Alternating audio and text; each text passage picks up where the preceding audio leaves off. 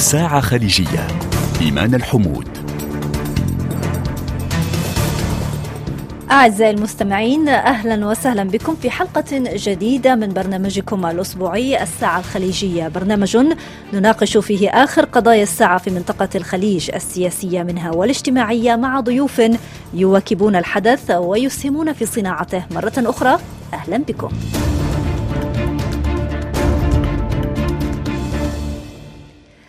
بين الحين والآخر تورد نشرات الأخبار اسم الأحواز هذا الإقليم الذي يقع في الشمال الغربي من إيران وتسكنه قبائل عربية عريقة توزعت عبر سنوات على ضفتي الخليج. منذ أكثر من ثمانين عاما يعيش هذا الإقليم وضعا استثنائيا فرضته الدول الاستعمارية الكبرى في تلك المرحلة بعد أن تم إسقاط حكم شيوخه العرب. وفرضت إيران سيطرتها عليه محاولة خلق واقع ثقافي وديموغرافي جديد. هذا الأمر لم يكن سهلا خاصة وأن سكان هذه المنطقة يستشعرون على الدوام تهميشا متعمدا لهم على أكثر من صعيد ما دفع بالعديد منهم للخروج في تظاهرات احتجاجية يسمع صداها حتى الساعة. في هذه الحلقة سنحاول معرفة المزيد عن التاريخ المنسي لمنطقة الأحواز مع رجل كرس حياته لهذه القضية الإنسانية. دعونا نرحب في الساعة الخليجية بالأستاذ عادل السويدي مسؤول المكتب السياسي لحركة النضال العربي لتحرير الأحواز وهو أيضا كاتب ومؤرخ متخصص في شؤون القضية الأحوازية. أهلا وسهلا بك أستاذ عادل شرفتنا في الساعة الخليجية اليوم. أهلا وسهلا بك.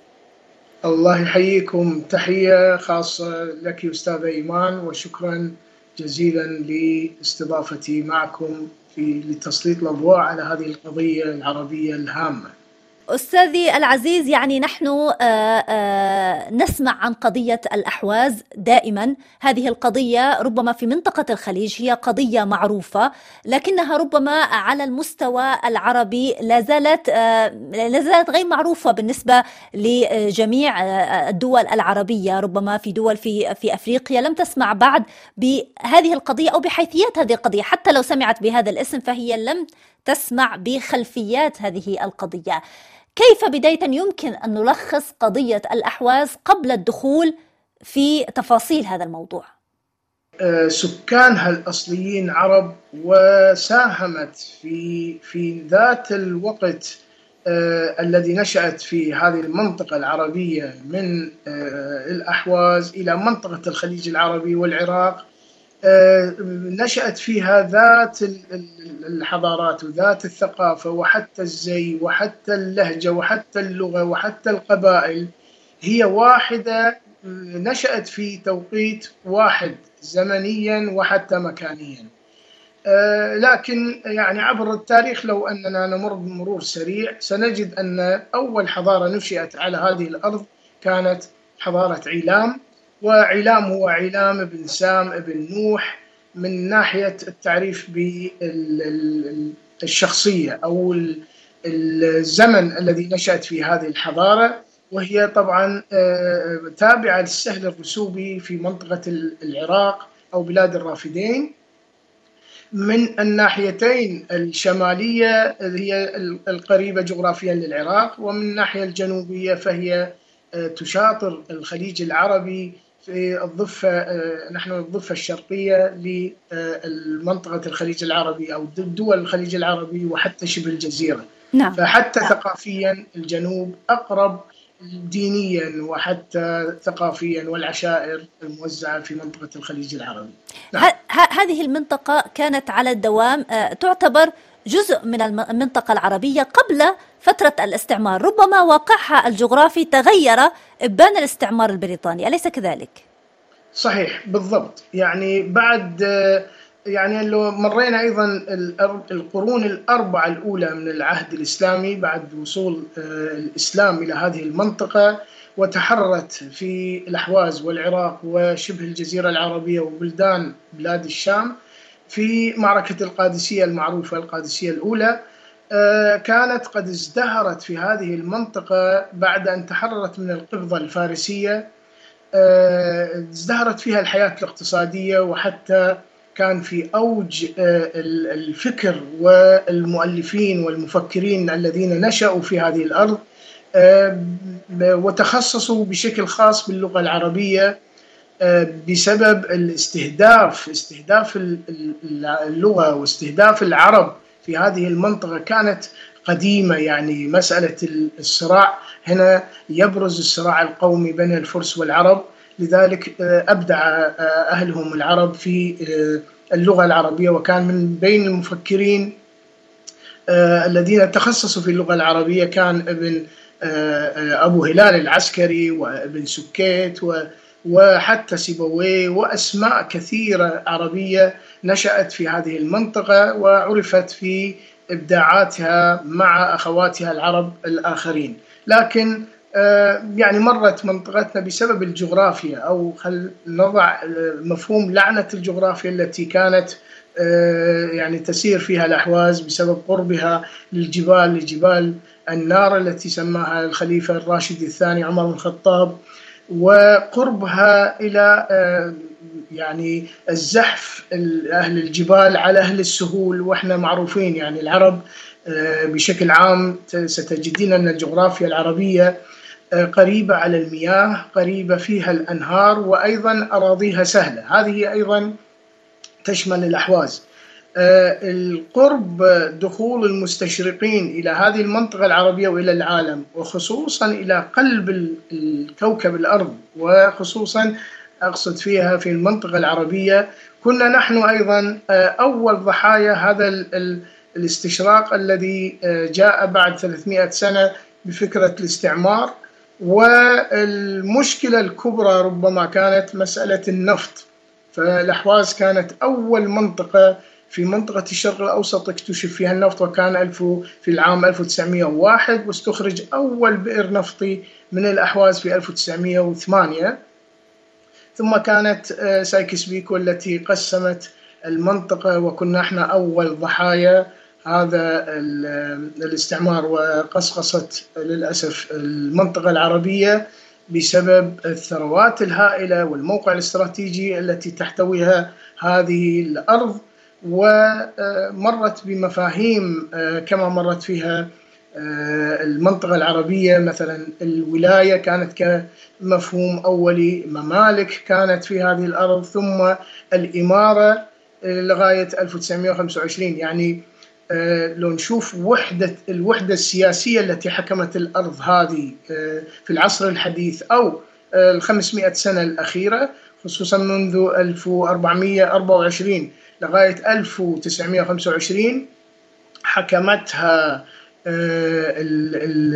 بين قوسين الدولة نعم. المشعشعية ثم الدولة الكعبية لغاية 1925 تعرضت إلى الغزو العسكري الإيراني والبريطاني بشكل مباشر ف أصبحنا للأسف الشديد تحت يعني أنتم ضحية تقسيم سايكس بيكو ولكن السؤال هو لماذا ضحت بريطانيا بإقليم غني بالنفط وأهدته لإيران في تلك المرحلة؟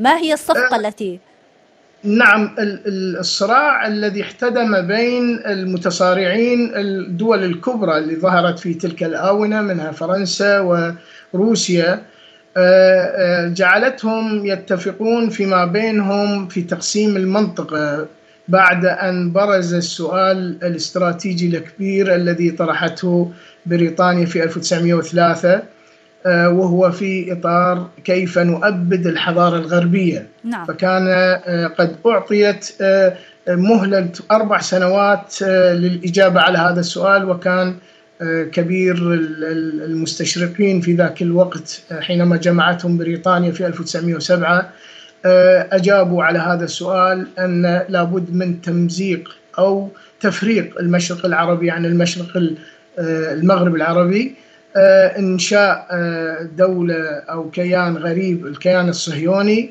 ثم تقسيم هذه المنطقة التي تتوزع فيها الثروات العالمية بشكل خاص فكانت الأحواز أول ضحايا هذا التقسيم الاستراتيجي الكبير تحت إطار وضع في ذاك الوقت موضوع الشرق الأوسط الجديد الذي بنته عقلية سايكس بيكو ونظرية فصل السواحل عن الدواخل التي وضعتها في منطقة الخليج العربي على ضفتيه. بسبب النفط وعدم تكوين مجتمعات لكي تتطور تاليا لتصبح دول وتتوسع آه، موضوعيا وطبيعيا لذلك آه، كانت الأحواز أول منطقة أو أول دولة فلنضع بين قوسين الدولة لأنها لم تكن هناك شيء اسمه دولة فارسية آه، إيرانية في تلك الآونة إلا نعم. بعد احتلال الأحواز لأن الأحواز كانت لديها زعيم وكان لديها اعتراف في عصبة الأمم في حينها إمارة عربستان. ولها أيضا آه، يعني بدايات تكوين جيش و هناك صور تبرهن الحديث الذي أتحدث عنه. آه، الأمير خزعل الكعبي ودوره بين أمراء آه، الخليج العربي وفي العراق وفي المنطقة العربية بشكل عام كان يعرف بأن من أهم الرؤساء في ذاك الوقت آه، كأمير عربي يحكم هذه المنطقة.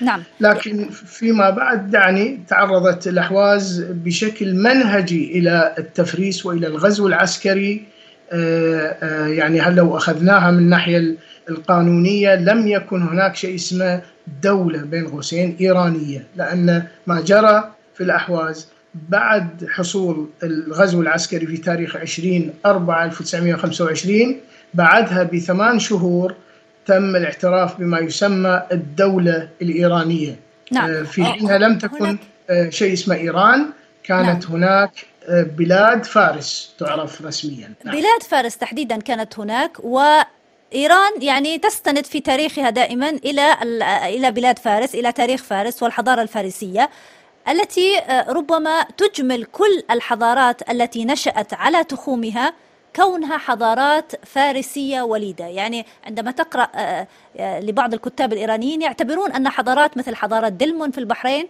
هي حضارة فارسية. مثل حضارات نشأت على تخومها في العراق هي حضارات فارسية وربما تكون حضارة الأحواز أيضا مجملة ضمن الحضارات الفارسية أو التي آه، ولدت من رحم الدولة الفارسية.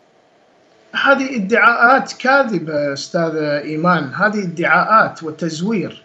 لم لا يوجد لغاية الآن لو الآن عملنا آه، بحث علمي داخل إيران وفق ما آه، يعني اثبته أيضا آه، كتاب ومؤلفين ومتخصصين في الأنثروبولوجيا منهم الدكتور الفقيد ناصر بوربيرار دحض كل هذه الأمور لأن لا يوجد في إيران اليوم، اليوم لا يوجد في إيران متحف آه، يثبت بأن كان لديها حضارة.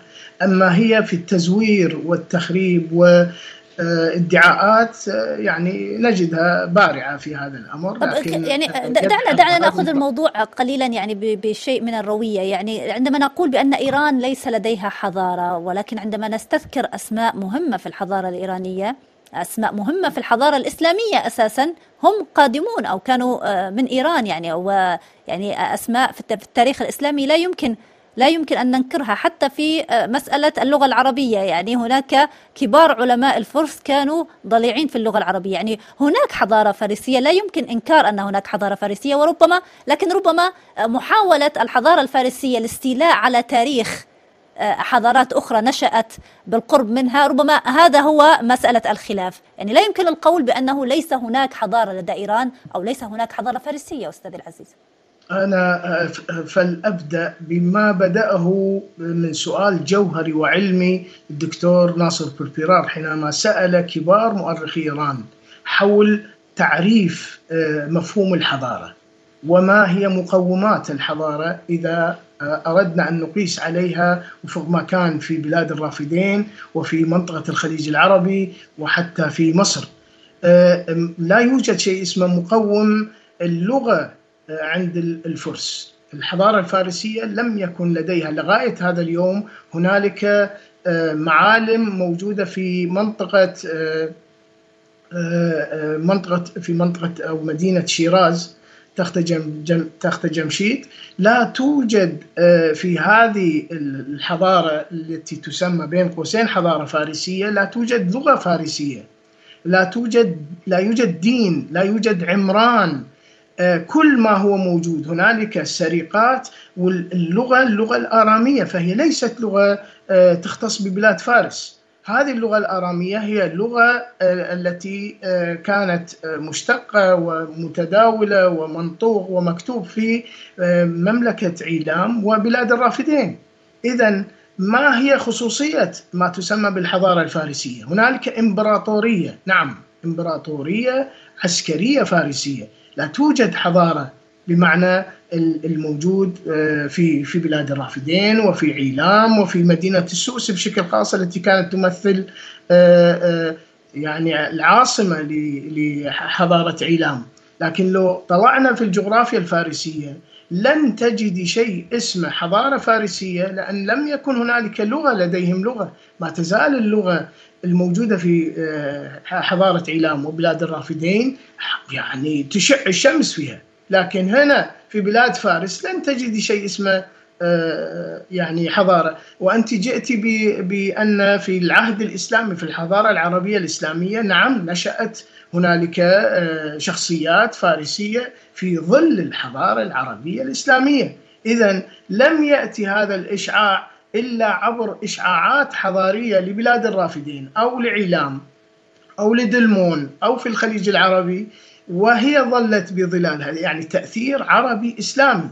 لا يوجد شيء اسمه خصوصية فارسية في اللغة التي لغاية هذا اليوم تشكل اللغة الفارسية 70% منها اللغة العربية يعني الحروف العربية والباقي منها تركية وأوروبية. إذا إذا أردنا أن أن أن ندحض هذا الادعاءات الكاذبة التي ما عادت بعد اليوم تنطلي على أحد أن هنالك وفق حديث للدكتور ناصر بوبيرار في كتبه الكبيرة والكثيرة التي دحض فيها كل هذه الأكاذيب التاريخية وهو الذي يقول بأن منذ 500 عام الذي أنشأ شيء اسمه بين قوسين ادعاءات الكذب والتزوير هم المستشرقين اليهود هم الذين بنوا هذه الأمور. وما كل ما هو موجود فيما يسمى اليوم بإيران يعني الإرث الحضاري الموجود في آه، السوس في حضارة عيلام. لا يوجد شيء اسمه آه، حضارة فارسية بي أنا أستند للدكتور ناصر بوربيران الذي دحض كل أقاويلهم وناظرهم في التلفزيون الإيراني بشكل رسمي ودحض كل هذه الأكاذيب. يعني عندما ندخل إلى المتاحف مثلا أكيد أكيد حضرتك زرت متحف اللوفر. عندما ندخل إلى متحف اللوفر وندخل إلى قسم الحضارات آه، حضارات الشرق الأوسطية خاصة قسم حضارة ما بين النهرين ثم نجد نعم. اسم فارس مكتوب بالقرب من الثيران المجنحة مكتوب بالقرب من العديد من القطع الأثرية الموجودة هناك كيف يمكن تفسير ذلك يعني؟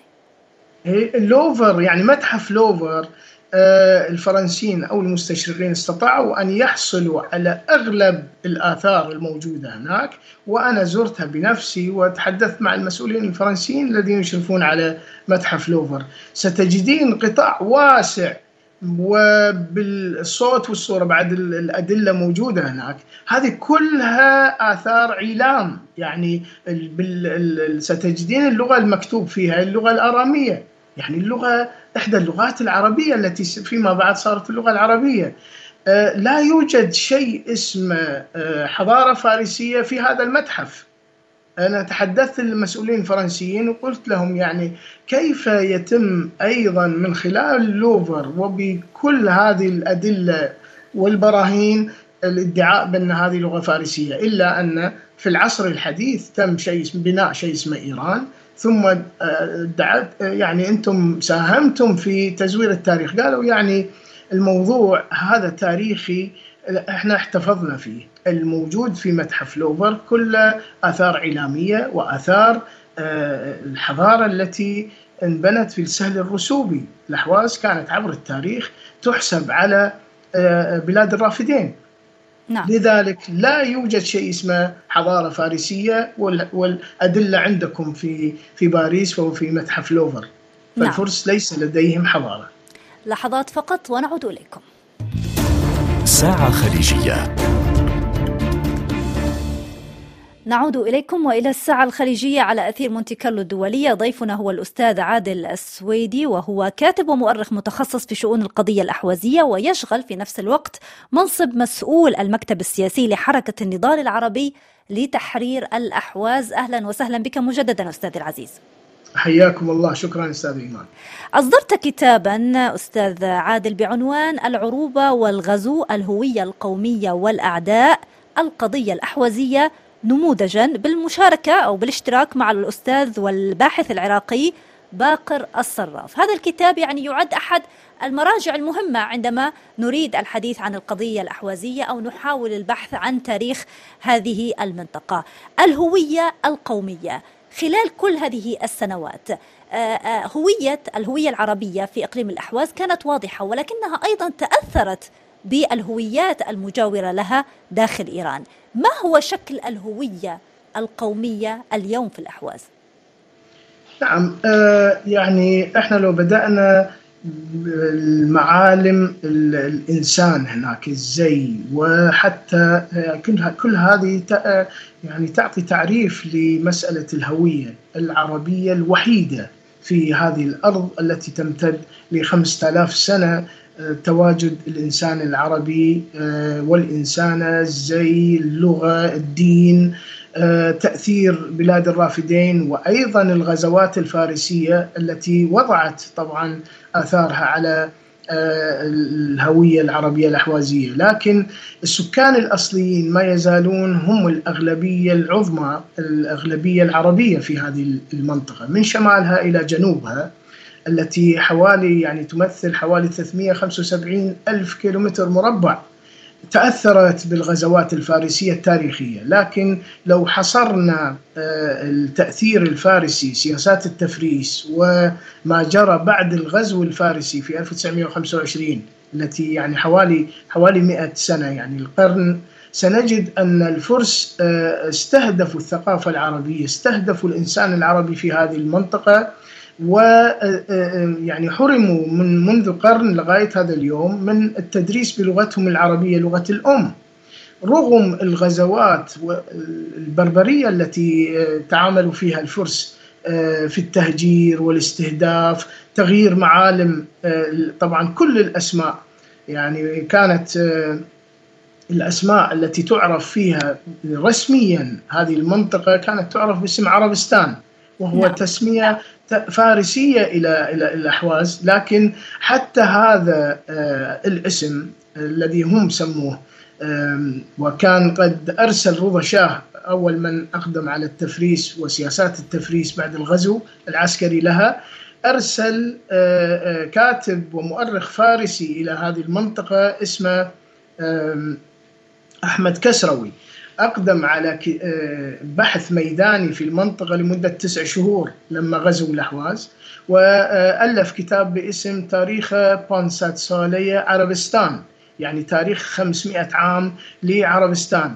ثم تم آه، تغيير حتى هذا الاسم إلى تاريخ بونسات سالية خوزستان. يعني تاريخ ال 500 عام وهو يقصد من الفترة المشعشعية 1424 لغاية 1925 نعم. التفريس تم بشكل مرحلي وتقدم لغاية هذا اليوم وأبناء الأحواز وهم يقاومون هذه الوحشية هذه السياسات المنهجية الفارسية. آه، آه، ولم يستطع الفرس أن يفرسوا أغلبية الأحوازيين رغم طيب إذا لم تكن اللغة العربية تدرس في المدارس أستاذ العزيز آه، آه، كيف بالإمكان الحفاظ على هوية أجيال وأجيال من الأحوازيين. يعني أنا تعرفت على أحوازيين كثر يتحدثون العربية بطلاقة يعني بطلاقة جدا يعني ولا, ولا يمكن آه، يعني القول بأنهم تعلموا اللغة العربية في في المدارس. يعني واضح بأن اللغة العربية متأصلة داخل البيوت. ولكن هل يتم السماح بالتعامل باللغة العربية داخل الإقليم؟ إذا لم يتم السماح بالتدريس داخل المدارس، كيف يمكن الحفاظ على آه، يعني هوية الهوية العربية للأجيال الموجودة حاليا في آه، الأحواز؟ نعم آه، يعني مرينا بعدة مراحل أستاذة إيمان مسألة التدريس اللغة العربية هي ممنوعة منعا باتا لا توجد مدارس أقصد فيها لا الابتدائية ولا المتوسطة ولا الثانوية ولا حتى جامعات تدرس أو تهتم باللغة العربية بشكل خاص. لكن يعني المرحلية التي آه، صارت سارت فيها آه، آه، التفريس أو سياسات المشاريع التفريسية يعني آذت اللغة العربية آذت الهوية العربية. لكن تعرفين حينما يتعرض شعب ما إلى إلى إلى غزو ثقافي يلجأ لمخزونه يلجأ لهويته الخاصة ثم يتقوقع فيها. وهذه آذتنا كثيرا كانت القبائل العربية الموجودة هناك المتأثرة والقريبة على العراق هي التي ساهمت في المحافظة على اللغة العربية، فإحنا نتحدث اللغة العربية في البيت وفي الشارع لكن في الدوائر الرسمية ممنوع. يعني التحدث باللغة العربية لغة الأغلبية أغلبية السكان العرب هناك.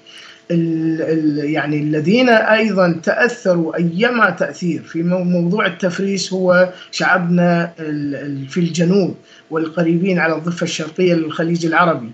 هؤلاء مساكين تعرضوا إلى التفريس بشكل أشنع لأن آه، آه، التعداد السكاني في الجنوب الأحوازي أقل من التعداد السكاني في الشمال الأحوازي القريب على العراق والملاصق. للجغرافيا العراقية. كانوا أهلنا في الجنوب الأحوازي يلجؤون للهروب إلى دول الخليج العربي في الضفة الغربية أسهل لهم آه، بعد ما يتم ملاحقتهم أو حتى محاولة قتلهم وتفريسهم بشكل شنيع. لكن آه، ربما كانت آه، التكنولوجيا والفضائيات والإعلام هذا فتح منافذ واسعة في أن آه، يعني نلتصق بثقافتنا العربية بشكل أكبر وأسهل مما كانت تجري عليها الأمور في السابق. لكن الحمد لله رب العالمين رغم كل التفريس ما يزال الصراع القومي العروبي هو الوحيد الذي يتشبث فيه بنات وأبناء آه، هذا القطر أو هذه الدولة المحتلة التي تعرف باسم الأحواز العربية. طيب أنت ذكرت الان ذكرت نقطة جميلة نقطة مهمة اللي هي هجرة آه، العديد من سكان آه، هذه المنطقة من ضفة الخليج اليسرى اليمنى إلى الضفة الأخرى. يعني الكثير منهم انتقلوا إلى دول الخليج خلال السنوات الثمانين الماضية منذ أن بسطت إيران آه، يعني سيطرتها على هذه المنطقة. ولكن آه، كيف كان استقبال هؤلاء؟ يعني يعني أنا أعرف بأنه الكثير منهم متواجدين في دول خليجية مثل الكويت مثل ولكنهم ربما معظمهم آه، لا يحصلون على الجنسية. يعني معظمهم من فئة بدون الجنسية. كيف تصف عملية الانتقال؟ أعرف بأنهم ليس كلهم ليس الجميع انتقل إلى الضفة الأخرى ولكن هناك نسبة لا يساهم بها من الأحوازيين انتقلوا إلى دول خليجية آه، مقابلة للضفة الإيرانية وكيف وضعهم القانوني في هذه الدول خلال تلك الحقبة حتى اليوم؟ نعم آه، يعني لو أننا آه، ألقينا الضوء على الهجرة التي صارت آه، منذ السنين الأولى للغزو الفارسي ستجدين بأن يعني حتى مسألة القوانين في الضفة الأخرى للخليج العربي قد استقبلت هؤلاء على مضض يعني على مراحل أيضا. لكن أبناء مثلا أبناء الأسرة الحاكمة أسرة خزعل الكعبي الشهيد خزعل الكعبي سنجدهم بأنهم كانوا قد رحب فيهم بعد أن جرى ما جرى لهم آه، في الإمارات العربية المتحدة في الكويت وفي المملكة حتى العربية السعودية في البحرين وفي قطر كل صحيح. هذه الدول استطاعت أن تستوعب اولا الأسرة الحاكمة وأبنائهم معززين مكرمين هؤلاء حظوا بالجناسي الخليجية الكويتية أو السعودية القليل طبعا إلى المملكة العربية السعودية. الإمارات قطر والبحرين ستجدين أن آه، أبناء الأمراء هم آه، ذوي أصول أحوازية في التاريخ.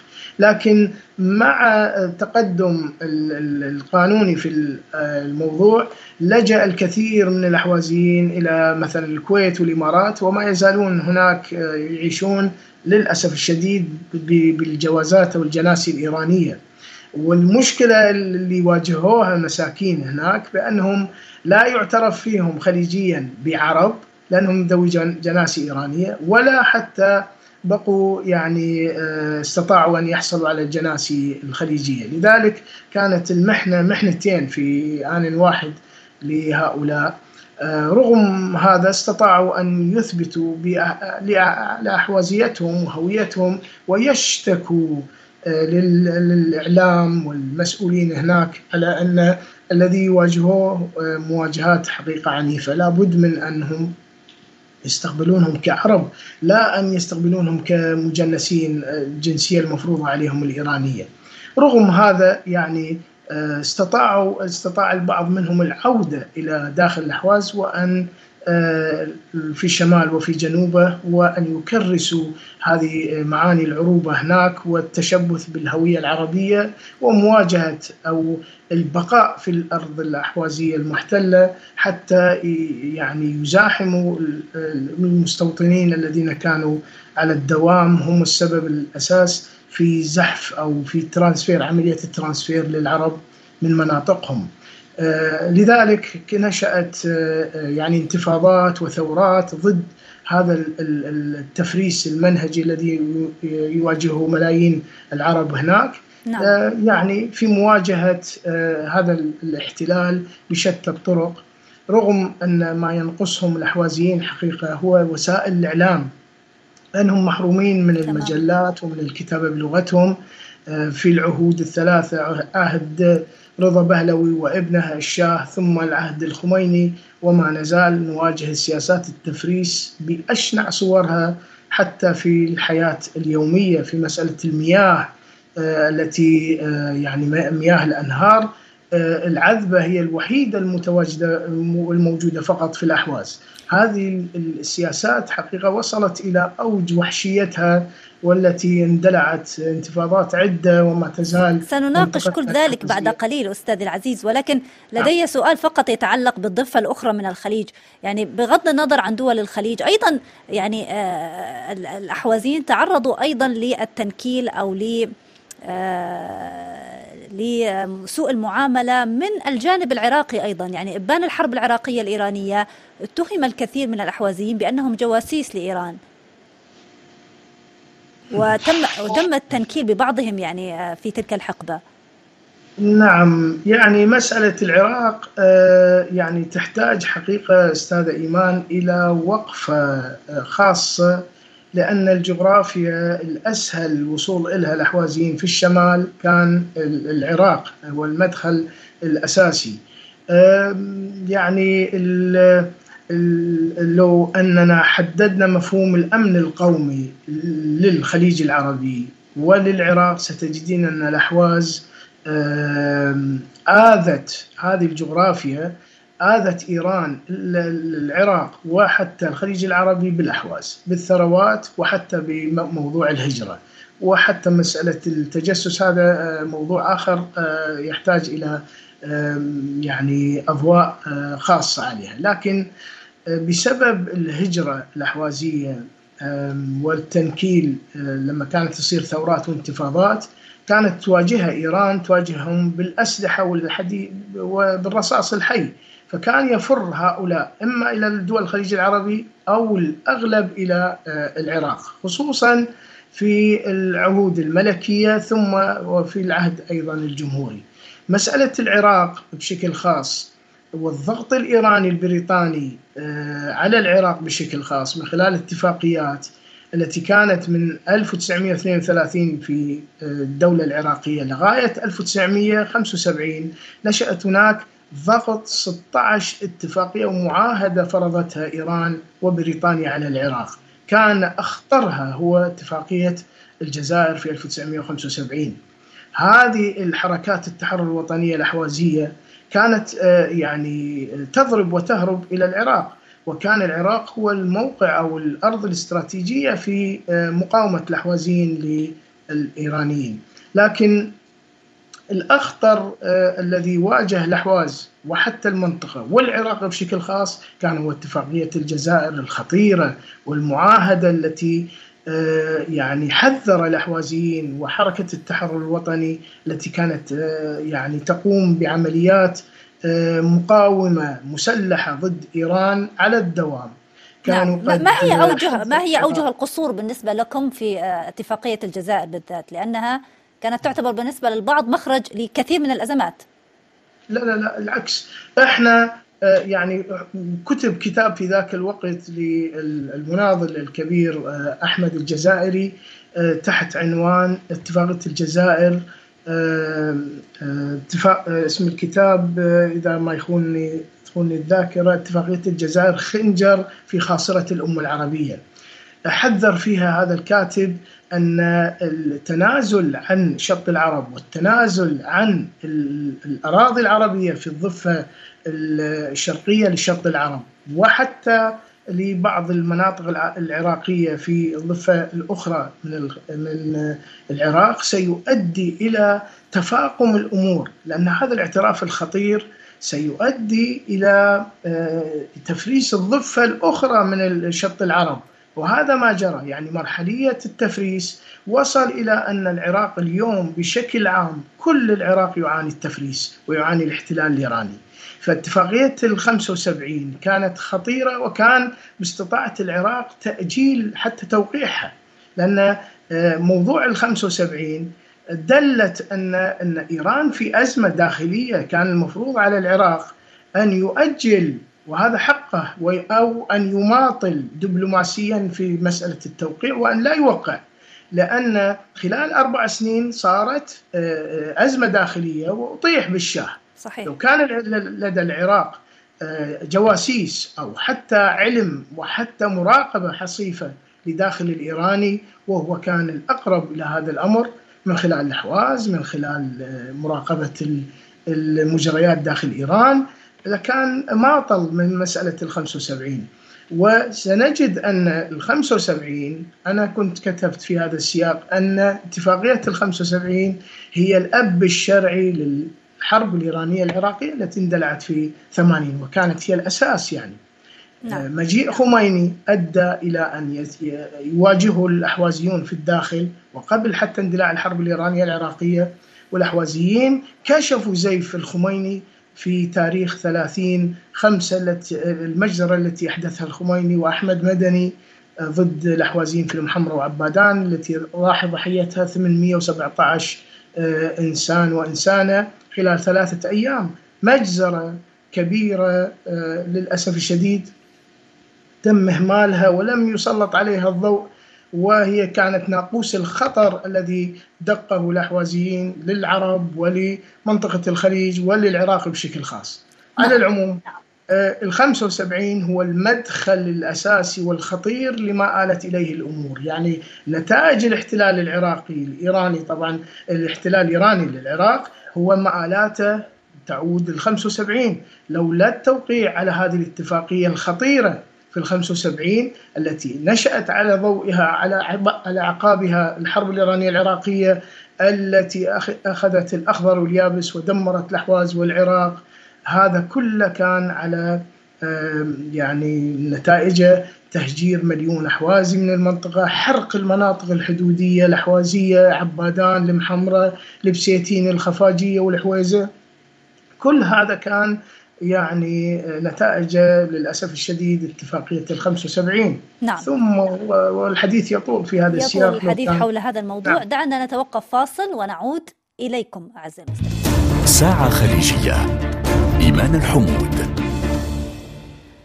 نعود إليكم وإلى الساعة الخليجية على أثير مونتي كارلو الدولية. ضيفنا هو الأستاذ عادل السويدي وهو كاتب ومؤرخ متخصص في شؤون القضية الأحوازية ويشغل منصب مسؤول المكتب السياسي لحركة النضال العربي لتحرير الأحواز أستاذ العزيز أنا عادة آه، أبدأ البرنامج بسيرة الضيف لكن اليوم اخترت أن أختم البرنامج بسيرة الضيف خاصة وأن لديك قصة إنسانية مؤثرة أنت من الأحوازيين الذين تعرضت آه، عائلتك تعرضت لأصناف لصنوف التعذيب والاغتيال. وكانت لك قصة بالخروج من آه، إيران والوصول إلى هولندا كيف يمكن أن نختصر هذه القصة؟ نعم يعني منذ أن للتو كنت يعني في عمر المراهقة في عمر ال 18 وإذا تواجه أسرتي وخصوصا والدي عملية الاغتيال التي كانت صدمة بالنسبة للأسرة كلها لماذا تم الاغتيال؟ يعني اختلته المخابرات الإيرانية ولكن ما هو السبب؟ دخول العراق جيش العراقي للكويت للأسف الشديد جعل الأحوازيين في سهولة اصطياد المخابرات الإيرانية وتصفيتهم إن كانوا الأحوازيين في العراق أو حتى اللي كانوا في, في الكويت والإمارات.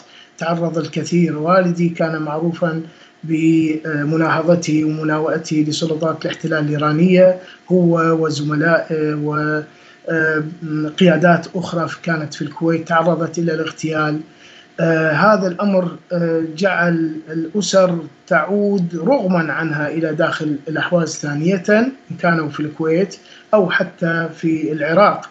آه الضرر الذي أصبنا فيه إحنا يعني ما كنا ذوي المعاودة أو المزاورة للأحواز بسبب نشاط الوالد الله يرحمه.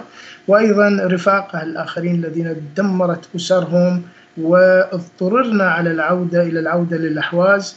وهنالك بدأت مواضيع حقيقة المراقبة اليومية والممانعة في حتى منعت من دراسة باللغة بالجامعة بعد أن كنت قد درست اللغة العربية أنا في الكويت.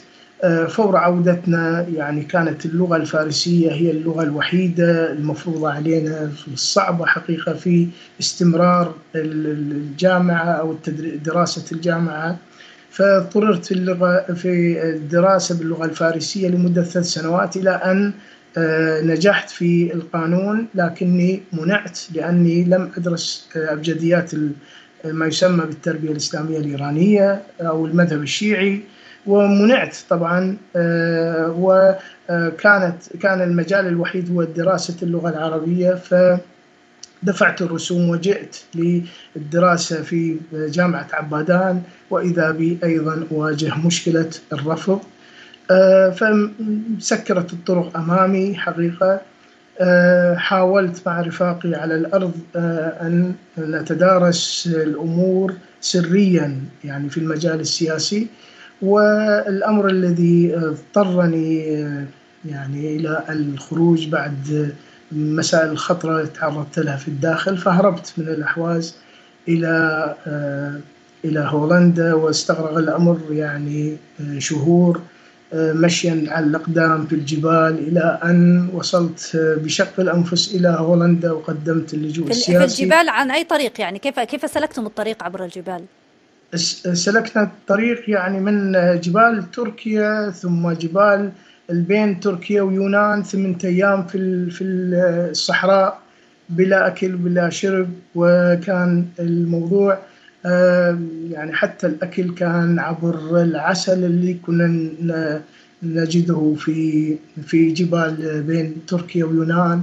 نعم. ثم المطر لولا المطر يعني كانوا واجهنا مخاطر حتى مسألة العطش. فالمهم يعني كانت أيام وأسابيع وشهور صعبة جدا وأنا معروف عني أني مريض بالسكري. وكانت أيام لم آخذ الحقنة فيعني مأساة حقيقة. ليست مأساتي الشخصية بقدر هي مأساة شعب. ومهجرين ومطاردين أحوازيين كانوا قد هربوا من السجون ومن مطاردات إيرانية. قصص يعني حقيقة كتب عنها الكثير وكتبت أنا أيضا الكثير في موقع عربستان حينها. يعني تقشعر لها الأبدان وصعبة حقيقة اللي تعرضوا لها أبناء وبنات الأحواز. منهم كانت أيضا بنت ابن عمي قبل سنة أو أقل من سنة. اللي أيضا منعت من أن تلتحق بزوجها في هولندا وإذا بها تسلك سلوك التهريب من إيران من جبال أرومية إلى إلى الوحل التركي وإذا بها تواجه الجليد مسكينة هناك وقد نشفت بسبب الجليد في الجبال هي وأيضا أخو زوجها توفيت بسبب البرد يعني بسبب الصقيع. بسبب البرد القارص والجليد الذي كان في الجبال. فنشفت هي وأخو زوجها وعادوا جثث إلى الأحواز ودفنوا في الأحواز. فهذه المأساة يعني تواجهها الأسر وتواجهها يواجهها المطاردين من الأحوازيين السياسيين و يعني الأغلب أو البعض من عندهم واجه مصير الموت في الطرق. في جبال روسيا وفي جبال اليونان العموم قصص مأساوية نعم. كثيرة لكن أنت وصلت إلى هولندا وكرست حياتك ربما لهذه القضية يعني أصبحت مرجعا لكل اللاجئين الأحوازيين الذين يأتون إلى أوروبا وخاصة إلى هولندا كرست وقتك في في دراسة القضية الأحوازية في تأريخ هذه القضية يعني نعم. كيف كيف يمكن أن يعني نعرف يعني كيف تدير أنت هذه القضية في في هولندا؟ ما الذي كيف تدير اذا علاقتك مع الأحوازيين هناك؟ أنت أصبحت مرجع بالنسبة لهم أليس كذلك؟ أنا حالي حال كل الوطنيين المخلصين الذين وصلوا وهدفهم إسعاف هذه القضية والتعريف فيها في وسائل الإعلام.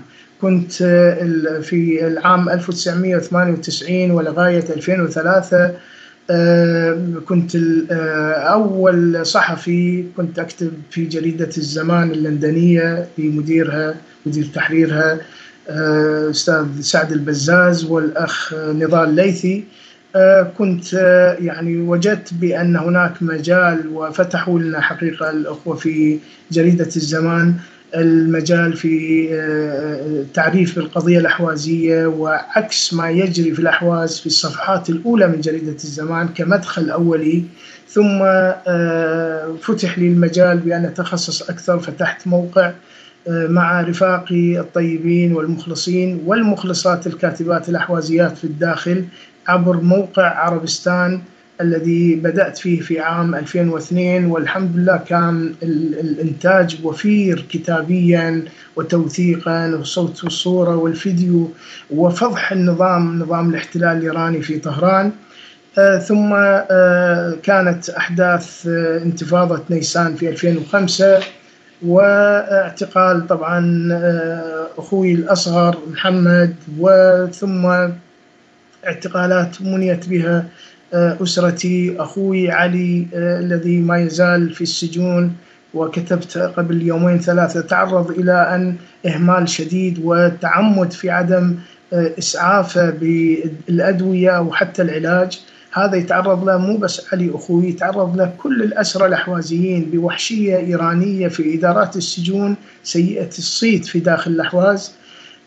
استطعنا عبر أيضا مع الأخوة الوطنيين الأحوازيين أن نفتح مكتب لأول مرة في في أكبر عاصمة عربية في القاهرة منذ العام يعني مدة عامين ثم الأحداث التي كانت في القاهرة وإزاحة الرئيس المصري مبارك. هذا الأمر أيضا أدى إلى توقف عملنا في داخل مصر.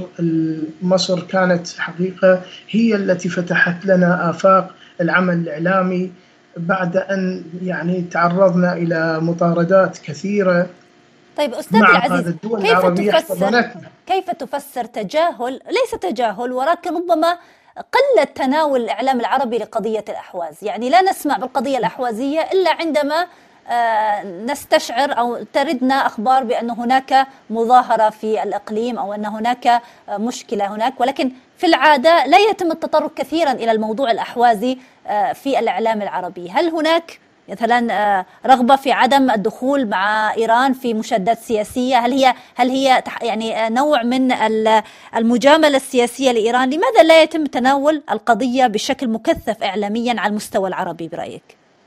نعم أستاذة إيمان هذا حديث ذو شجون يعني هذا يحتاج إلى إلى معرفة الأسباب. لكن لو أننا يعني بعد كل هذه الخبرة أولا المانع الأساسي هو عدم استطاعة الفرد الأحوازي سابقا في الوصول إلى الدول العربية لأنه ما يملك جنسية أو جواز أوروبي غربي يستطيع عبره أن يصل إلى المسؤولين والتحدث معهم بشكل مباشر والوسائل الإعلامية أو المؤسسات السياسية.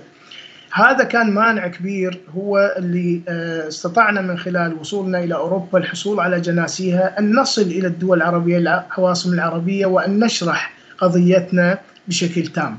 وأيضا موضوع آخر وهو الحجر الأساس اللي لو استطعنا من خلال الدول العربية إدخال القضية الأحوازية في مناهج التدريس. يعني هذا هو المطلب الأساسي الذي سعينا وما نزال وما تزال الحركة الوطنية بأفرادها بأحزابها تسعى في إقناع الدول العربية وزارات تربية الموجودة التعليم والتربية في الدول العربية. إن كانت تريد أن تخدم القضية الأحوازية وتخدم نفسها أيضا من خلال إدخال مناهج التدريس في الجغرافيا في التاريخ القضية العربية الأحوازية حتى تنشأ الأجيال العربية والشعوب العربية تفهم ما هي القضية الأحوازية.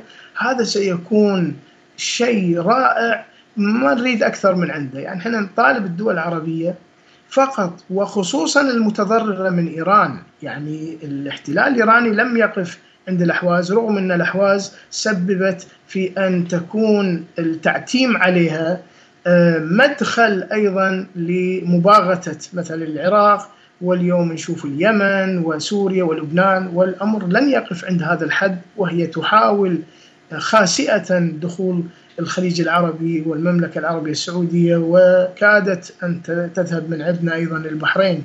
لو كان هناك وعي استباقي عند الفرد العربي في مناهج التدريس لما استطاعت إيران أن تقتحم بهذه الوقاحة الدول العربية وأن تحتل وأن تدمر آه، كما دمرت الأحواز هل تخاذلت الدول العربية وخاصة الخليجية هل تخاذلت عن دعم القضية الأحوازية؟ بلا شك إلى الآن للأسف الشديد ليس لديها الشجاعة وحتى اتخاذ قرارات بسيطة وهي مسألة المنهجية في دراسة اللغة الأحوازية العفو أو إسعاف الأحوازيين المقيمين في أراضيها في إدخالهم إلى الدراسة في مدارسهم الحكومية. هذه يعني أمور بسيطة. حالنا حال الفلسطينيين أعطونا أعطوا اهتمام للقضية الأحوازية 10% مما أعطيته القضية الفلسطينية. لعرفت أن القضية الاستراتيجية ومن أجلكم وليس من أجل الأحوازيين.